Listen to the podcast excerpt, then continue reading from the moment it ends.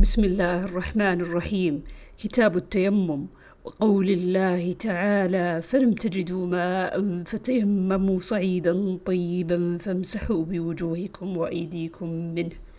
باب عن عائشة زوج النبي صلى الله عليه وسلم قالت خرجنا مع رسول الله صلى الله عليه وسلم في بعض أسفاره حتى إذا كنا بالبيداء أو بذات الجيش انقطع عقد لي فأقام رسول الله صلى الله عليه وسلم على التماسه وأقام الناس معه وليسوا على ماء.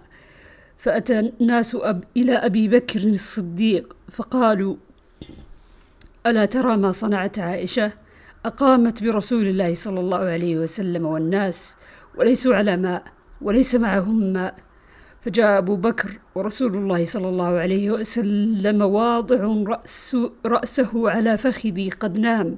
فقال حبست رسول الله صلى الله عليه وسلم والناس وليسوا على ماء وليس معهم ماء.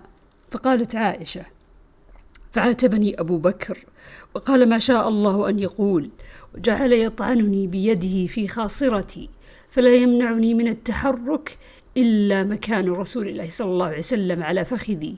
فقام رسول الله صلى الله عليه وسلم حين أصبح على غير ماء فأنزل الله آية التيمم فتيمموا. فقال أسيد بن الحضير ما هي بأول بركتكم يا آل أبي بكر؟ قالت فبعثنا البعير الذي كنت عليه فأصبنا العقد تحته. وعن جابر بن عبد الله أن النبي صلى الله عليه وسلم قال أعطيت خمسا لم يعطهن أحد قبلي. نصرت بالرعب مسيرة شهر وجعلت لي الأرض مسجدا وطهورا فأيما رجل من أمتي أدركته الصلاة فليصل وأحلت لي الغنائم ولم تحل لأحد قبلي وأعطيت الشفاعة وكان الرسول يبعث إلى قومه خاصة وبعثت إلى الناس عامة. باب إذا لم يجد ماء ولا ترابا عن عائشة رضي الله عنها أنها استعارت من أسماء قلادة فهلكت. فبعث رسول الله صلى الله عليه وسلم رجلا فوجدها فأدركتهم الصلاة وليس معهم ماء فصلوا. فشكوا ذلك إلى الرسول صلى الله عليه وسلم. فأنزل الله آية التيمم فقال أسيد بن حضير لعائشة جزاك الله خيرا فوالله ما نزل بك أمر تكرهينه إلا جعل الله ذلك لك وللمسلمين فيه خيرا. باب التيمم في الحضر إذا لم يجد الماء وخاف فوت الصلاة. وبه قال عطاء وقال الحسن في المريض عنده الماء ولا يجد من يناوله يتيمم. وأقبل ابن عمر من أرضه بالجرف.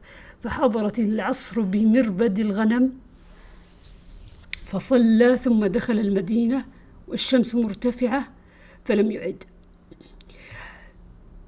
وعن أبي جهيم أنه قال أقبل النبي صلى الله عليه وسلم من نحو بئر جمل فلقيه رجل فسلم عليه فلم يرد عليه النبي صلى الله عليه وسلم حتى أقبل على الجدار فمسح بوجهه ويديه ثم رد السلام. باب المتيمم هل يم آه هل ينفخ فيهما؟ عن سعيد بن عبد الرحمن بن أبزة عن أبيه قال جاء رجل إلى عمر بن الخطاب رضي الله عنه فقال إني أجنبت فلم أصب الماء فقال عمار بن ياسر عمر بن الخطاب أما تذكر أنا كنا في سفر أنا وأنت فأما أنت فلم تصلي وأما أنا فتمعكت فصليت. فذكرت ذلك النبي صلى الله عليه وسلم فقال النبي صلى الله عليه وسلم إنما كان يكفيك هكذا. وضرب النبي صلى الله عليه وسلم بكفيه الأرض ونفخ فيهما ثم مسح بهما وجهه وكفيه.